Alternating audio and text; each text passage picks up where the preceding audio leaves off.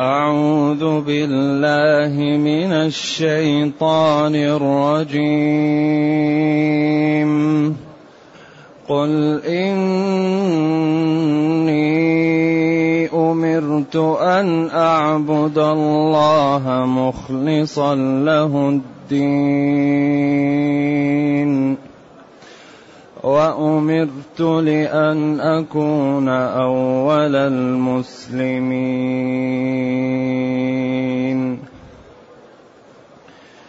وأمرت لأن أكون أول المسلمين. قل إني أخاف إن عصيت ربي. قل إني أخاف إن عصيت ربي عذاب يوم عظيم قل الله أعبد مخلصا له ديني فاعبدوا ما شئتم من دونه قل إن الخاسرين الذين خسروا أنفسهم وأهليهم يوم القيامة قل إن الخاسرين الذين خسروا أنفسهم وأهليهم يوم القيامة ألا ذلك هو الخسران المبين لهم فوقهم ظلل من النار ومن تحتهم ظلل ومن تحتهم ظلل ذلك يخوف الله به عباده يا عباد فاتقون يا عباد فاتقون والذين اجتنبوا الطاغوت أن يعبدوها وأنابوا إلى الله لهم البشرى. وأنابوا إلى الله لهم البشرى فبشر عباد فبشر عباد الذين يستمعون القول فيتبعون أحسنه أولئك الذين هداهم الله. أولئك الذين هداهم الله وأولئك وأولئك هم أولو الألباب. أفمن حق عليه كلمة العذاب أفأنت تنقذ من في النار؟ لكن الذين اتقوا ربهم لهم غرف من فوقها غرف مبنية. لهم غرف من فوقها غرف مبنية تجري من تحتها الأنهار. تجري من تحتها الأنهار وعد الله. وعد الله لا يخلف الله الميعاد. ألم تر أن الله أنزل من السماء ماء فسلكه ينابيع. فسلكه ينابيع في الأرض ثم يخرج به زرعا مختلفا ألوانه. ثم يهيج فتراه مصفرا. ثم يجعله حطاما. إن في ذلك لذكرى. إن في ذلك لذكرى لأولي الألباب. الحمد لله الذي أنزل إلينا أشمل كتاب. وأرسل إلينا أفضل الرسل وجعلنا خير أمة أخرجت للناس. فله الحمد وله الشكر على هذه النعم العظيمة والآلاء الجسيمة والصلاة والسلام على خير خلق الله وعلى آله وأصحابه ومن اهتدى بهداه. أما بعد فإن الله تعالى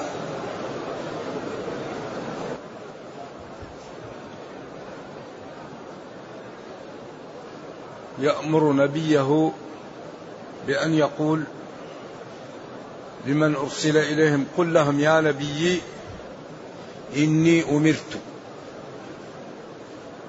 قل قل أمر من القول. إني أنا أمرت من الله أمرني الله. وحذف الفاعل لأنه معروف. أن أعبد الله. أن وما دخلت عليه في تأويل مصدر منصوب بنزع الخافض أمرت بعبادة الله أن أعبد الله وفي أن وأن يطردوا وعد لازما بحرف جر وإن حذف فالنصب للمنجر نقلا وفي أن وأن يطرد. أمرت بأن أعبد الله. أمرت بعبادة الله. فهنا أن وما دخلت عليه في تأويل مصدر منصوب بنزع الخافض قياسا. قل لهم يا نبي إني أنا يعني أمرني الله. أمرت أن أعبد الله وحذف الفاعل للعلم به. أن أعبد الله مخلصا مخلصا له الدين.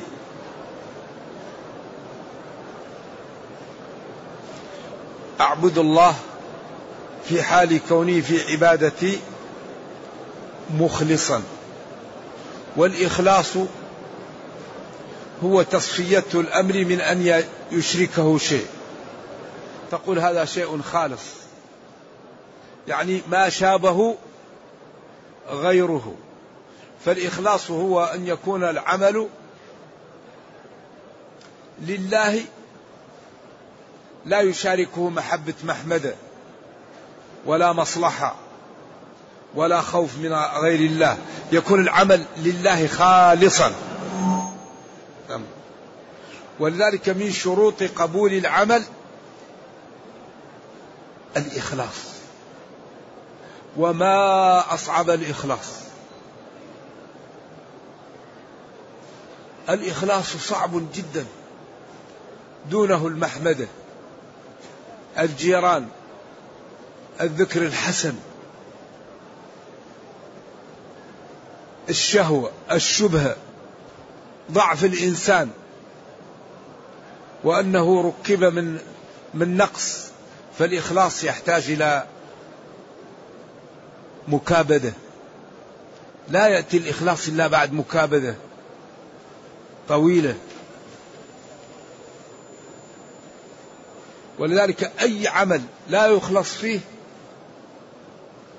الله لا يقبله لأنه غني وكريم وقادر فلا يرضى أن يشرك معه. غيره في, في, في أي عمل. وإنما يرضى للعبد أن يعطيه ما أعطاه كاملا له. أمرت أمرني الله أن أعبد الله. مخلصا له الدين. الدين أصله يقال للعبادة ويقال للطريقة ويقال للجزاء ويقال ليوم القيامة. يوم الدين يوم القيامة. كما تدين تدان كما تجزي تجازى. دانه بكذا إذا يعني عاقبه أو وكذلك هذا أبدا دينه ودين عادته وعادتي. نعم. وهنا المقصود الدين العبادة. أخلص لله العبادة. الدين هنا المقصود به العبادة. والعبادة أصلها في اللغة التذلل والخضوع. خط معبد أي مذلل. ومنه العبد. لأن العبد يكون ذليلا لسيده. ولذلك من أشرف صفات العبد المخلوق أن يوصف إلى الله. سبحان الذي أسرع بعبده. تشريف له أن يكون عبد لله.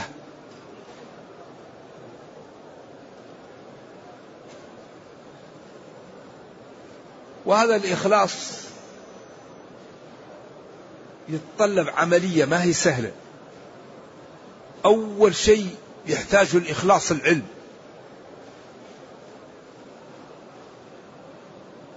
العلم لأن الذي لا يعلم لا يخاف. أكبر أسباب النجاة العلم. وأكبر أسباب الإخلاص العلم. لأن الإنسان إذا علم خاف فإذا خاف تجنب. فإذا تجنب سلم. وأخطر ما تواجه البشرية الجهل. الجهل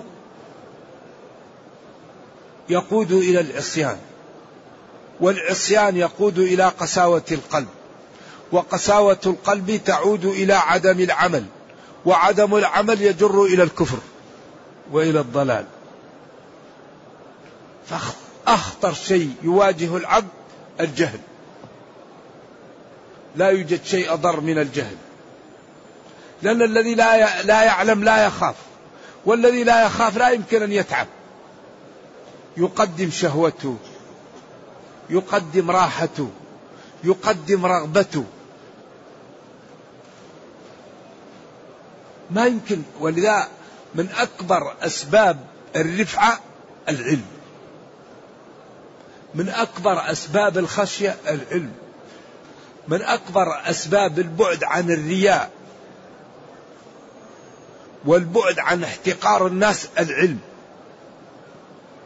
ولذلك العلم إذا لم يكن مزموما بالورع ينتج عنه التكبر واحتقار الآخرين كما وقع لمن؟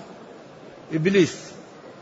إبليس لما أعطاه الله ما أعطاه عياذا بالله امتلأ قلبه من إيش؟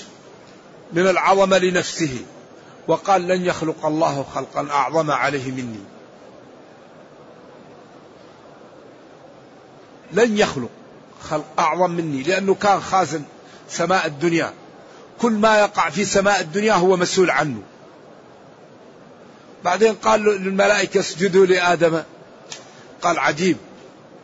أنا الذي خلقتني من طين وهذا خلقت خلقتني من نار وهذا خلقته من طين. تأمرني أن أسجد له؟ أنا خير منه. أعوذ بالله بدأ يتكبر و و ويعارض رب العزة والجلال. يراد من إذا قال فعل. يراد من أمره إذا أراد شيئا. أن يقول له كن فيكون. بعدين قال له أخرج منها مذءوما مدحورا. مذءوما مدحورا. بلاغة وجمع. يعني ملام. خسيس. مهان. دني. ما يمكن أهل الأرض يأتوا بكلام أبلغ من هذا. أخرج من الجنة. مذءوم مدحور. ملوم خسيس مطرد مدفع مهان. فلذلك يعني الإخلاص أمر مهم في الحياة.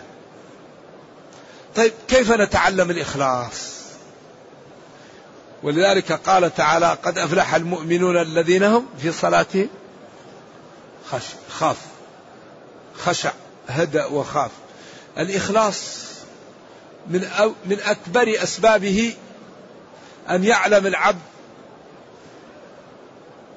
حقيقته وأن يعلم ما أعد الله للمتقين وما أعد للظالمين والكافرين.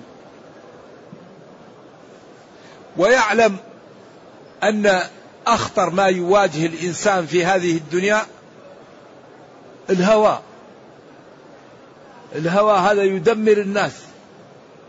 ونهى النفس عن الهوى وآفة العقل الهوى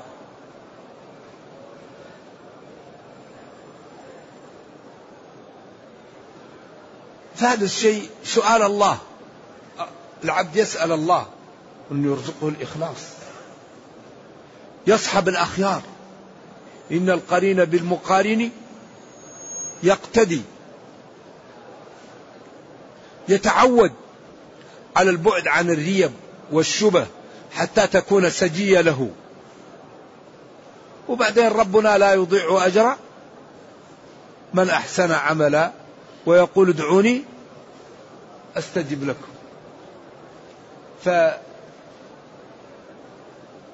إذا الله أمر نبيه أن يعبده مخلصا له الدين مخلصا له العبادة.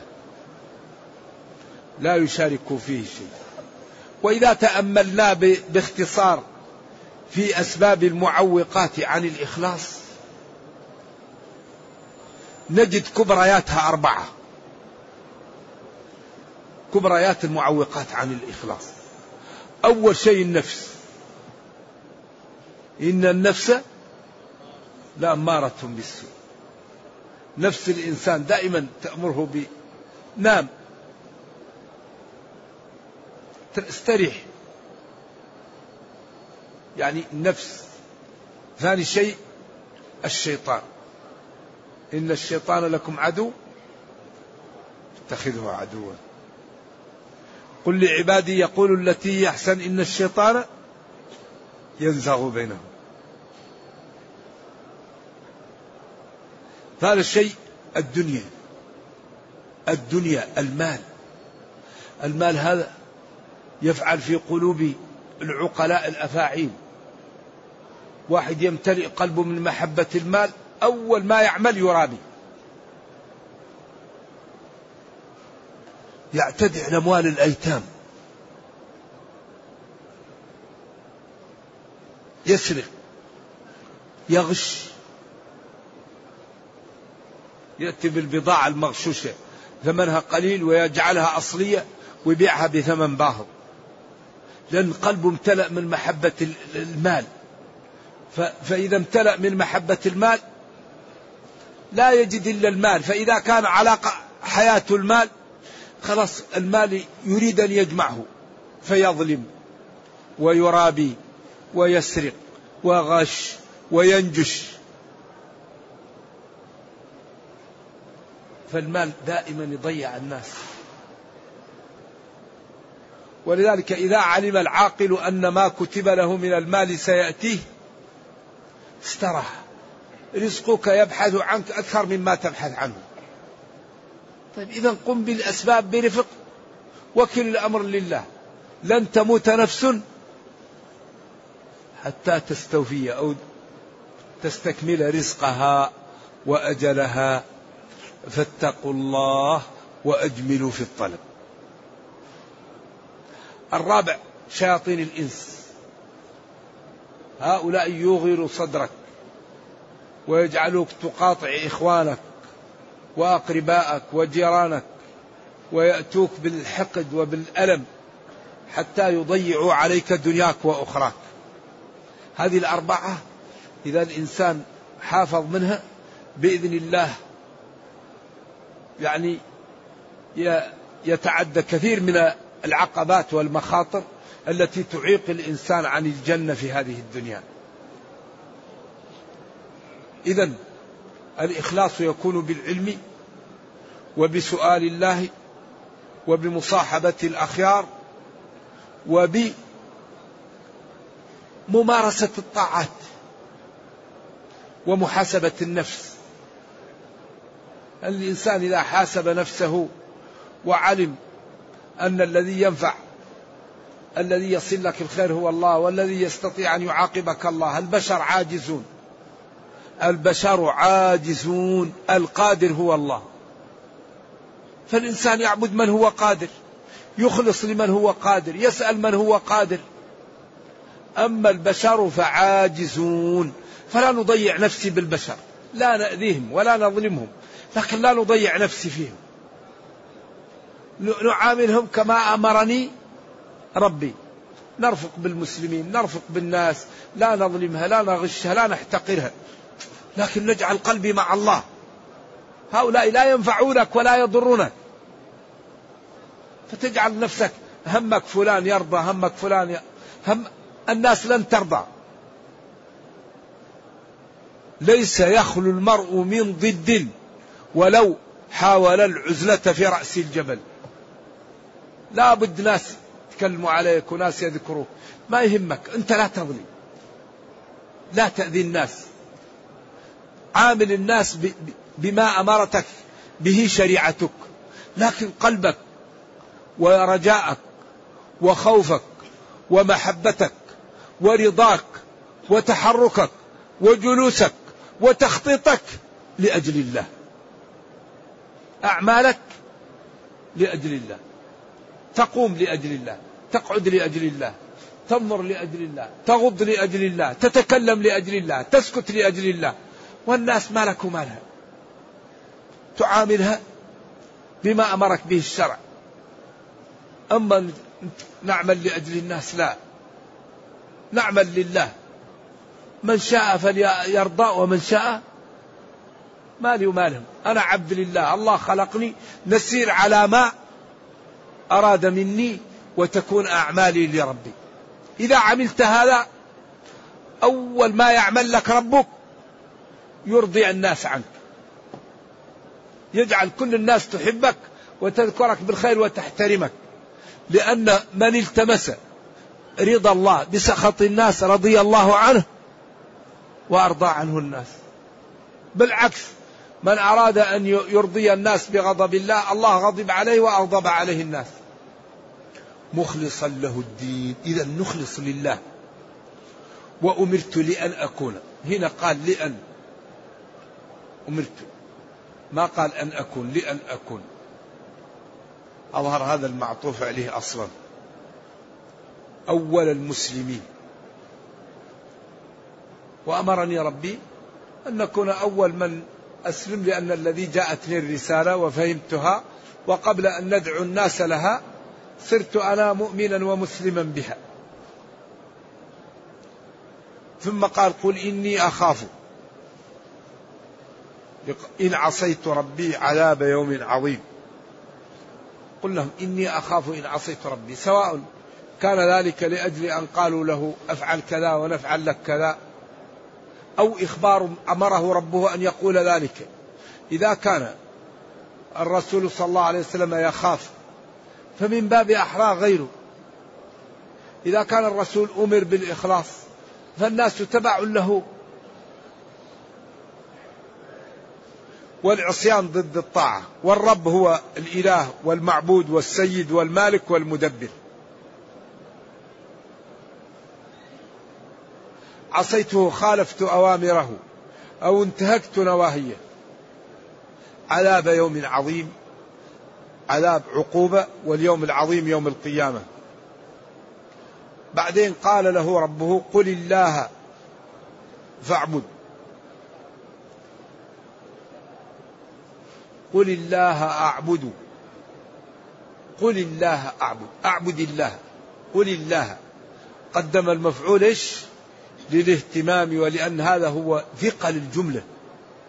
وهذا الذي بني عليه الكون عبادة الله. وأرسلت له الرسل.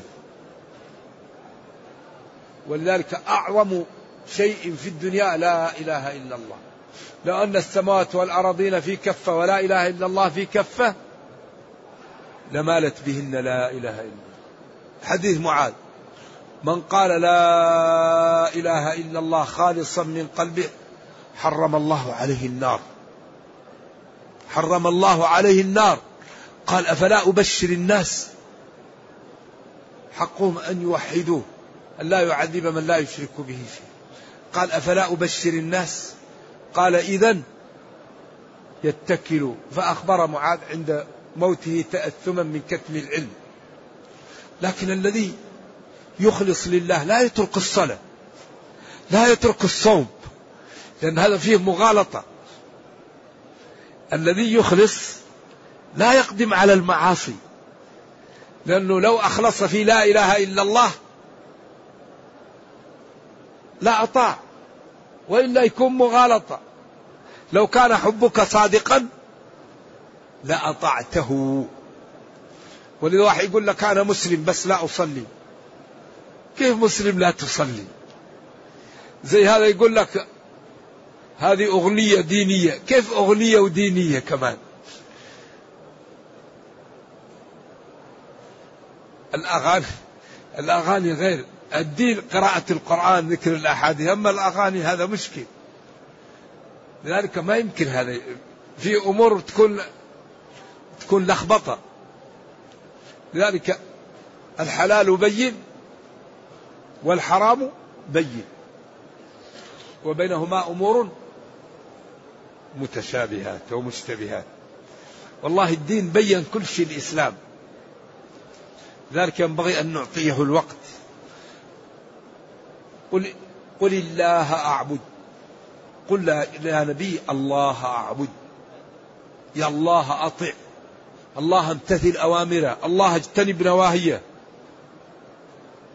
والعبادة أصله التذلل والخضوع وهو يشمل كل ما يحبه الله من الأقوال والأفعال الظاهرة والباطنة. الخوف عبادة الرجاء عبادة الصوم عبادة الصدقة عبادة الصلاة عبادة غض البصر عبادة إكرام الجيران أن تبر بوالديك. كل ما يحبه الله من الأقوال والأفعال الظاهرة والباطنة يسمى العبادة. اسم جامع لكل ما يحبه الله من الأقوال والأفعال. هذا يسمى العبادة الظاهرة والباطنة والعبادة منقسمة إلى أربعة أقسام. عبادة قلبية عبادة مالية عبادة بدنية عبادة مشتركة. الحج مشترك. الزكاة عبادة مالية. الخوف والرجاء والولاء والبراء والمحبة في الله والكراهية في الله عبادة قلبية. ولذلك البلاء الولاء والبراء أمر قلبي. لا يطلع عليه إلا الله. ولذلك كل العبادة أمر أن تكون لله مخلص فيها لله. ولا تصلح العبادة إلا لله. الخوف الغير طبيعي لا يخاف إلا من الله. واحد ينام في بيته يخاف ولي يضره. تخاف من أسد يأكلك. تخاف من واحد مجنون عنده عصا يضربك. هذا خوف طبيعي. لكن تخاف إن واحد يأتيك بشر أو واحد يأتيك بضر غير الله لا. لا تخاف إلا من الله. لأن لا يضر ولا ينفع. ولذلك توكل على الحي الذي لا يموت. قال العلماء من توكل على غير الله أوقع نفسه في الهلكة. قل الله أعبد مخلصا له ديني فاعبدوا ما شئتم من دونه أنتم أيها الكفار اعبدوا أمر تهديد وتخويف. ما شئتم الذي شئتموه من دونه من وثن أو صنم أو ولي أو صالح. ثم بين لهم قال قل إن الخاسرين الذين خسروا أنفسهم وأهليهم يوم القيامة ألا ذلك هو الخسران المبين؟ لهم من فوقهم ظلل من النار ومن تحتهم غلل الآيات. الخسارة في اللغة أن يتاجر المتاجر بالمال وبعد مدة يجد رأس ماله نقص. يقال خسر في تجارته. إذا الخسارة أصلها نقص رأس المال للمتاجر. نقص من رأس المال هذا يسمى في اللغة خسرة ثم استعملت هنا للكافرين الناقصين حظوظهم يوم القيامة بتضييعهم أعمارهم التي هي رأس مالهم في العصيان والكفر فجاءوا يوم القيامة ورأس المال الذي هو العمر ضاع ومنزله في الجنة حول وبدل له منزل في النار. وهذه هي الخسارة التي لا خسارة وراءها. كل إنسان له منزل في الجنة ومنزل في النار. فإذا دخل أهل الجنة الجنة قيل لهم هذه منازلكم في النار ورثها أهل النار فازدادوا غبطة وسرورا ونعيما على أن الله نجاهم. وأهل النار يقال لهم هذه منازلكم في الجنة ورثها أهل الجنة فيزدادون حسرة على حسرة وعياذا بالله ألم على ألم. إذا قل إن الناقصين حظوظهم يوم القيامة الذين ضاعت عليهم منازلهم وفقدوا أهلهم. خسروا أنفسهم وأهليهم يوم القيامة. لأنه في النار أعوذ بالله لا يحيا فيها ولا يموت. لا يموت فيستريح ولا يحيا فيتمتع. من عذاب إلى عذاب إلى عذاب إلى عذاب إلى ما لا نهاية. لا حول ولا قوة إلا بالله. وبعد هذا لا نخاف من أن نعطل أوامر الله. وبعد هذا لا نخاف أن ننتهك نواهي الله. نقرأ هذا ونذهب كأننا لم نسمع. قل إن الخاسرين حقيقة الذين خسروا أنفسهم وأهليهم يوم القيامة. فقدوا أنفسهم لأنها في ألم وفي عذاب لا هي حية ولا هي ميتة. وأهلهم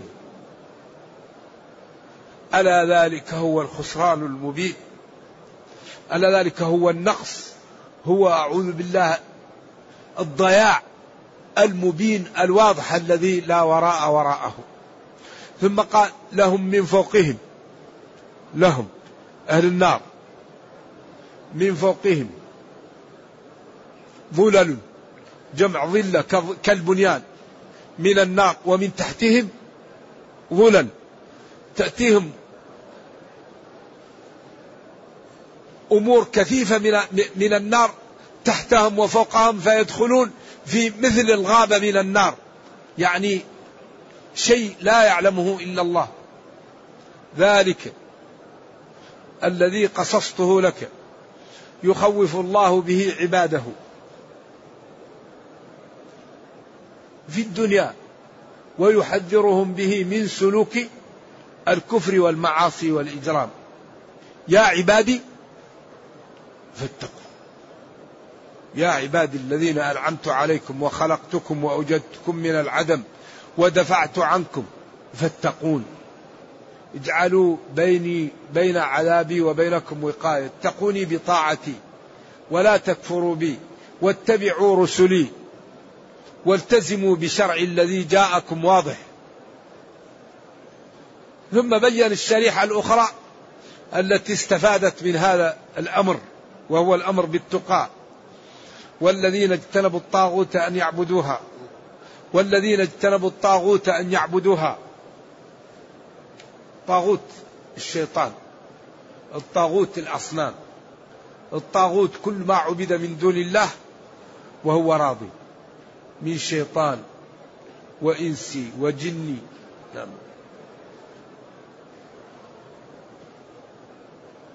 والذين اجتنبوا ابتعدوا عن الطاغوت عن الأصنام.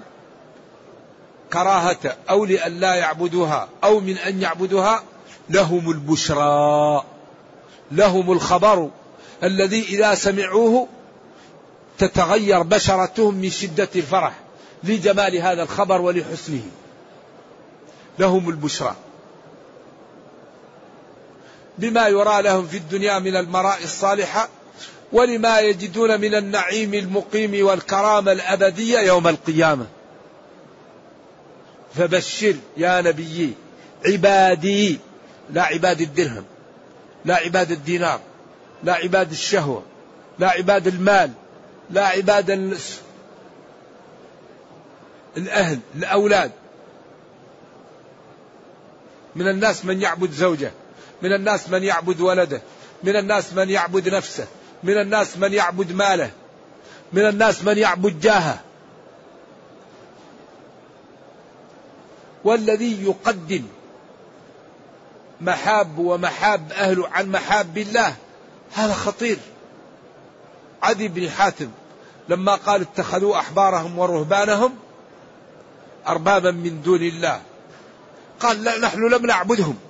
قال ألم يحللون لهم؟ ويحرمون عليهم فيتبعون؟ قال نعم قال تلك عبادتهم. من أمرك؟ بمعصية الله واتمرت ونهاك عن طاعة الله وانتهيت أنت عبدته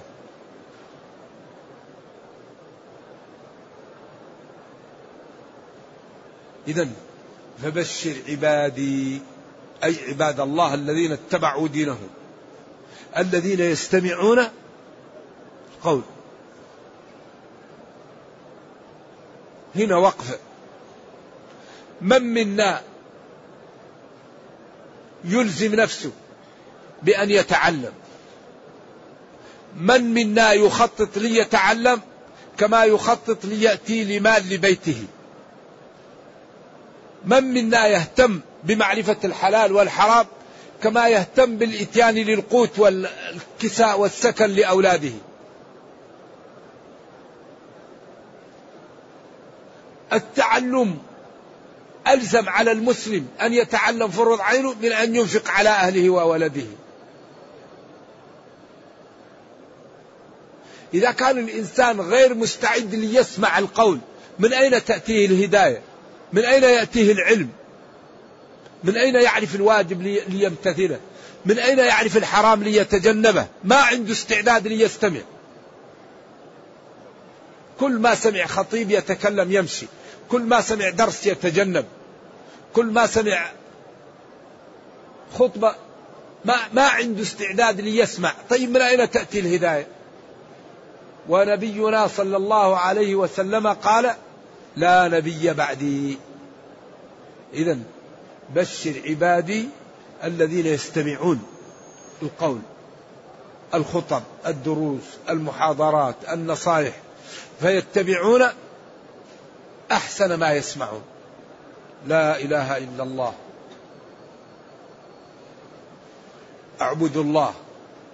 ولا تشركوا بشيء وبالوالدين إحسانا. وبذي القربى واليتامى والمساكين. والجار ذي القربى والجار الجنب. والصاحب بالجنب. وابن السبيل. وما ملكت إيمانكم. ما أجمل هذا الدين.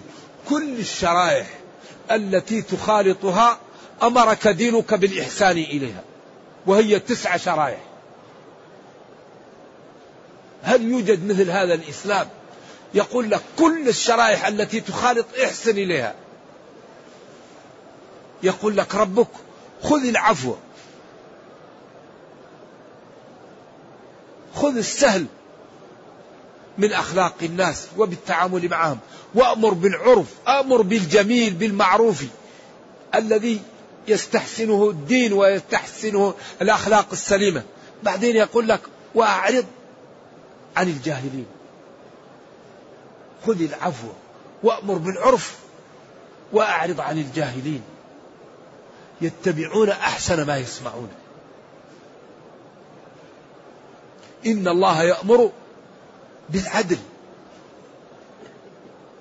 لا يظلم هنا ولا يظلم هنا. والإحسان كل الناس وإيتاء ذي القربى وينهى عن الفحشاء. كل ما يفحش ذكره أو رؤيته والمنكر ظلم الناس والبغي تعدي على أعراض الناس وعلى أموالهم يعظكم. ويخوفكم وينبهكم لعلكم تذكرون. فيتبعون أحسنه. كلام الجميل إذا سمعوه اتبعوه. هؤلاء ما لهم؟ هؤلاء هداهم الله. وهؤلاء هم أصحاب العقول.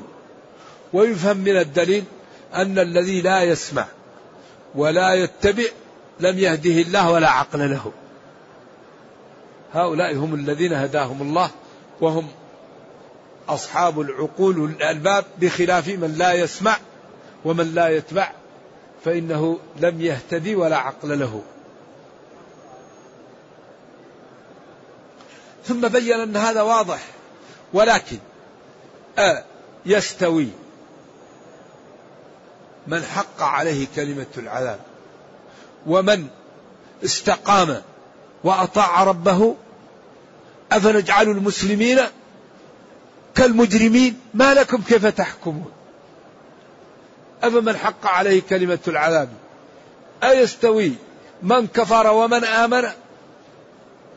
أفمن حق عليه كلمة العذاب؟ كمن آمن وأطاع ربه واتبع رسله؟ بعدين قال أفأنت تنقذ من في النار؟ أنت لا تستطيع أن تمنع من كتبه الله من أهل النار. لا تملك وإنما تملك أن تبين. كما قلت لعمك الذي ناصرك ونافح عن دعوتك يا عم قل لا إله إلا الله. يا عم قل كلمة نحاج لك بها عند الله. هذا الذي تملك. أما إدخال المعلومة في القلب هذا من خصائص الربوبية. لذلك كان من دعائه صلوات الله وسلامه عليه يا مقلب القلوب يا مصرف القلوب صرف قلبي على ذلك يدعو. لكن الذين اتقوا ربهم لهم لكن هنا استدراك وعرض عن هذا. هذا أهل النار في جحيم وفي شقاء وفي عقوبة وذلة. لكن الذين اتقوا ربهم والذين استقاموا بخلاف ذلك لهم المنزلة ولهم غرف فوقها غرف ويجري من تحتها الماء ولهم ما تشتهي أنفسهم وتلذ أعينهم وكل ما يحبون يجدونه بخلاف هذه الشريحة التي كفرت وضلت وابتعدت عن إيش؟ عن الشرع.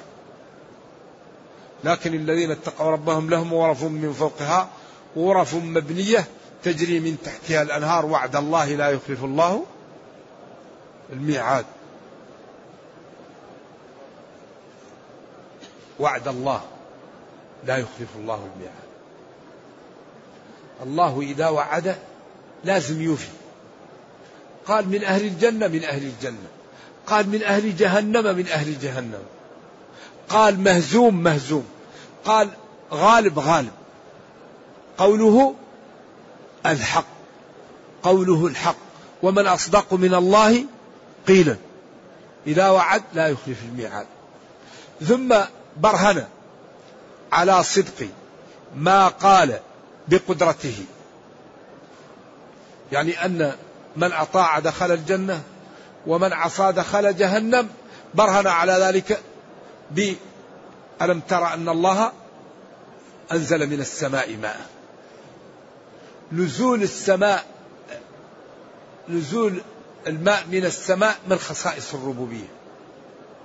لا يقدر عليه إلا الله. وأنزلنا أي وأنزل الله من السماء ماء طهورا لنحيي به بلدة ميتا ونسقيه مما خلقنا أنعاما وأناسيا كثيرا ولقد صرفناه بينهم ليذكروا. فأبى أكثر الناس إلا كفرا. أنزل من السماء ماء بعدين فسلكه. ينابيع جم ينبوع في الأرض. فنخرج به ثم بعد أن ينبت ويدخل الماء ينبت به الأرض إذا سقيت به يخرج به زرعا مختلفا ألوانه. هذا الزرع بعضه أحمر أصفر بعضه قانع بعضه مشكل. ولذلك قال انظروا إلى ثمره إذا أثمر وينعي وقال وفي الأرض قطع متجاورات. لا تنسى متجاورات. وقال تسقى بماء واحد. ماء واحد متجاورات حتى إذا جاء الفيزياء يريد أن يفرق ما يجد طريق للتفريق. الماء واحد والأرض واحدة والمناخ واحد. وقال ونفضل بعضها على بعض في الطعم. الأكل الطعم. من أين جاء التخ... الاختلاف؟ والماء واحد والتربة واحدة. وهم يقولون المؤثرات إما الماء أو التربة أو المناخ. وما... وحتما ما دام متجاورات المناخ واحد. إذا المناخ واحد والماء واحد والتربة واحدة. ويأتي التفضيل بينها. من أين جاء التفضيل؟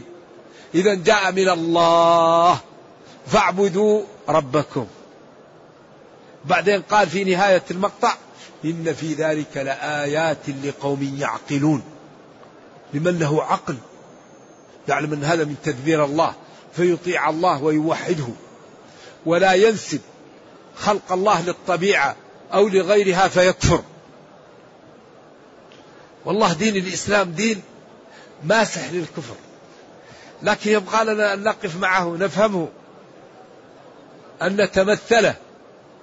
ما يبقى مع هذا القرآن كفر. وأنزلنا إليكم نورا مبينا. نور النور لا يبقى معها الظلام والكفر ظلام. فلا يبقى الكفر مع هذا القرآن. إذا بين وفهم وعمل به صار الظلام. وجاء الضياء وجاء النور وجاء الإيمان ونعمت البشرية بهذا الدين. ثم يهيج. يعني هاج إذا طال ونشف.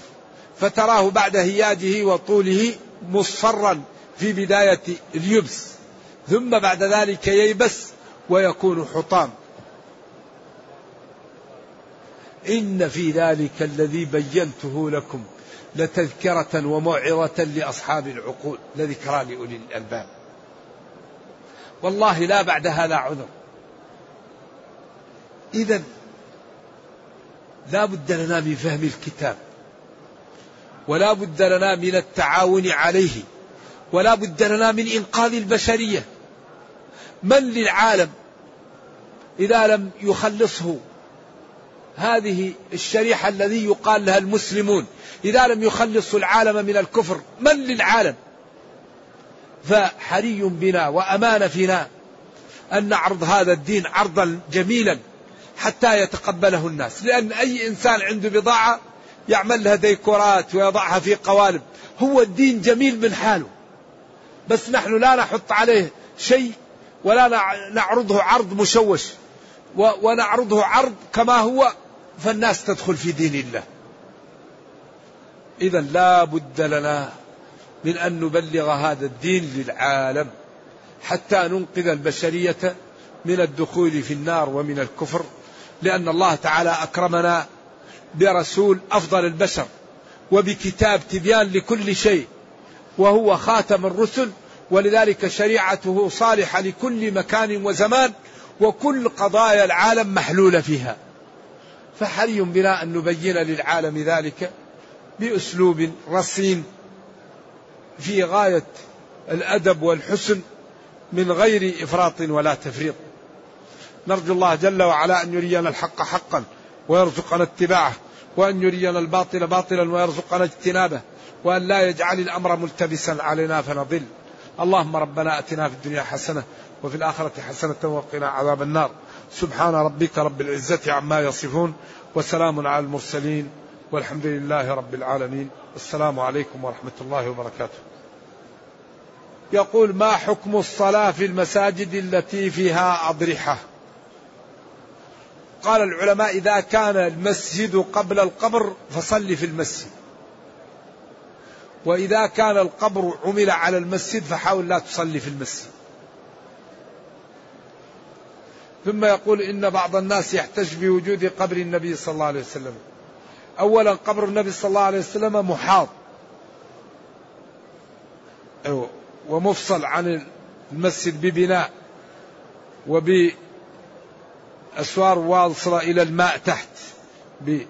ثاني شيء النبي صلى الله عليه وسلم قال نهى عن بناء المساجد على القبور ونهى عن القبر في المساجد. وهذه المسألة داخلة في ارتكاب خف الضررين. لأنه لو حيل أن يزال القبر الشريف من هذا المحل قد يترتب على ذلك أمور. ولذلك ارتكاب خف الضررين واجب. ولذلك هو محاط ولذا لم يبنى ما, ما هنا وما هنا خوف من أن يكون داخل في المسجد. و النبي صلى الله عليه وسلم الدليل في قوله لا فعل الناس اتبعوا ما أنزل إليكم. ففعل الناس لا يكون حجة لكن هذا من باب ارتكاب خف الضررين ونرجو الله تعالى أن يتوب علينا وأن يرحم ضعفنا. أود ممن يريد أن يسأل يسأل عن أمور تحتاج لها ما يسأل عن أمور تكون حكم التصوير وحكم المسبحة. التصوير نبينا قال لعن الله المصورين فليخلقوا حبة فليخلقوا شعيرة يؤمر بأن ينفخ ينفخ الروح فيما صوروا وليسوا بفاعلين. لكن ما هو التصوير؟ ما التصوير؟ هل ما عمل باليد أو ما عمل بالآلة؟ هذا أمر يحتاج مجامع ويحتاج أمور تنظر فيه. أما المسبحة فهي آلة عد. فمن أخذها ليعد بها الاستغفار أو التسبيح المعدود جائز. ومن جعلها السنة وأراد الذي لا مسبحة له وجعلها من السنة هذه بدعة. التسبيح في الأصابع أفضل.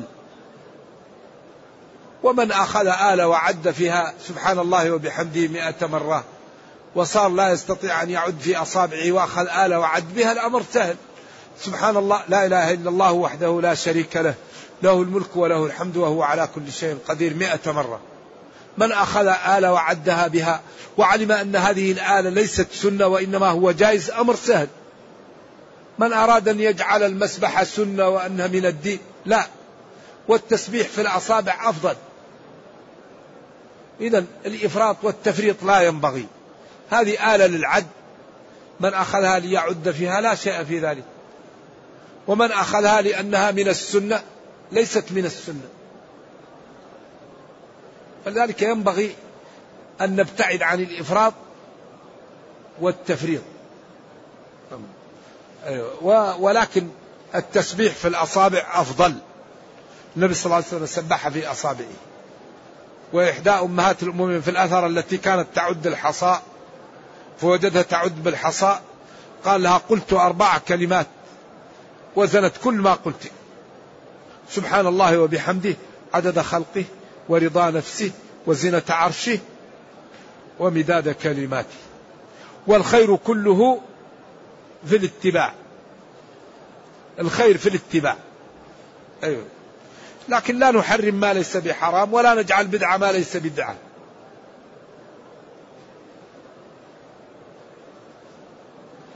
هل يجوز أن يعمل عمرة لوالدته المتوفى؟ يجوز نعم. بعد أن تعتمر عن نفسك.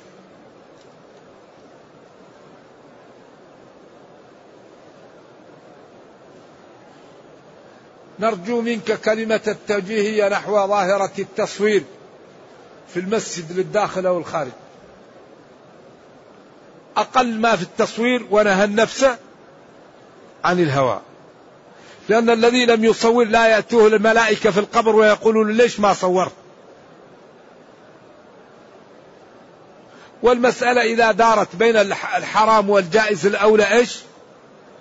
تركها.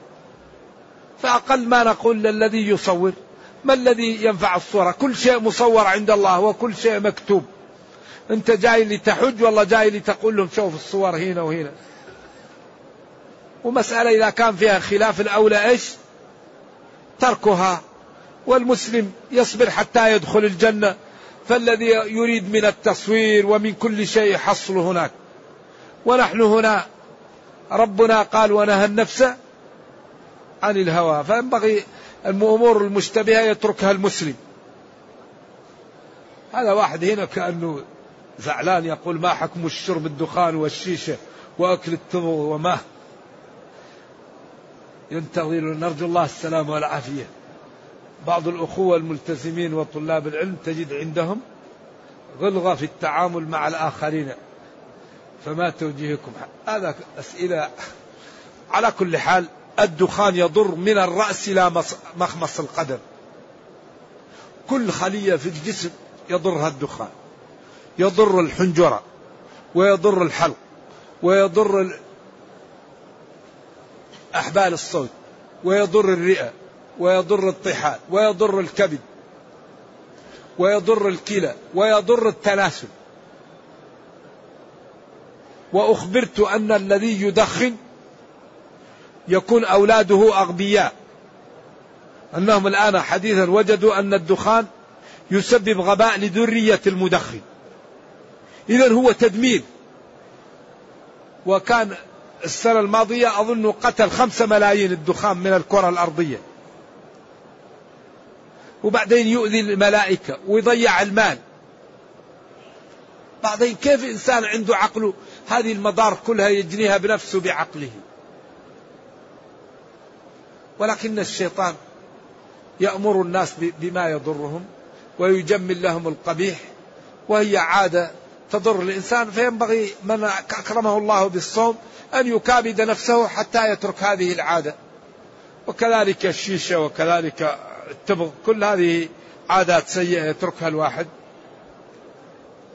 يقول شخص أكل في رمضان عمدا بعد أن أجبره صاحب العمل بعدم الصوم وإلا طرده من العمل مع العلم أنه مقيم ما لا يترتب عليه. الذي يأكل في رمضان عند مالك كفر وعند الإمام أحمد وجماعة من العلماء أثم ويلزمه القضاء. ولا كفارة عنده إلا بالجماع في نهار رمضان. على الخلاف هل هل المناط هو انتهاك رمضان أو انتهاك بالصفة اللي جاءه الرجل وقال ينتف شعره ويقول أهلكت وأهلكت واقعت أهلي في نهار رمضان فقال اعتق رقبة. فبعض العلماء قال السبب انتهاك رمضان وبعضهم قال السبب الصفة التي انتهك بها رمضان. وهذا قول للعلماء وهذا قول للعلماء وينبغي للمسلم أن لا يترك الصوم إلا إذا كان مضطرا. إذا كان مضطر يا ولكن الأولى أنه يترك هذا العمل ويذهب عن عمل آخر ويصوم رمضان. لأن الله قال فمن شهد منكم الشهر فليصمه. وقال إنه لا يترك الصوم إلا المريض أو المسافر.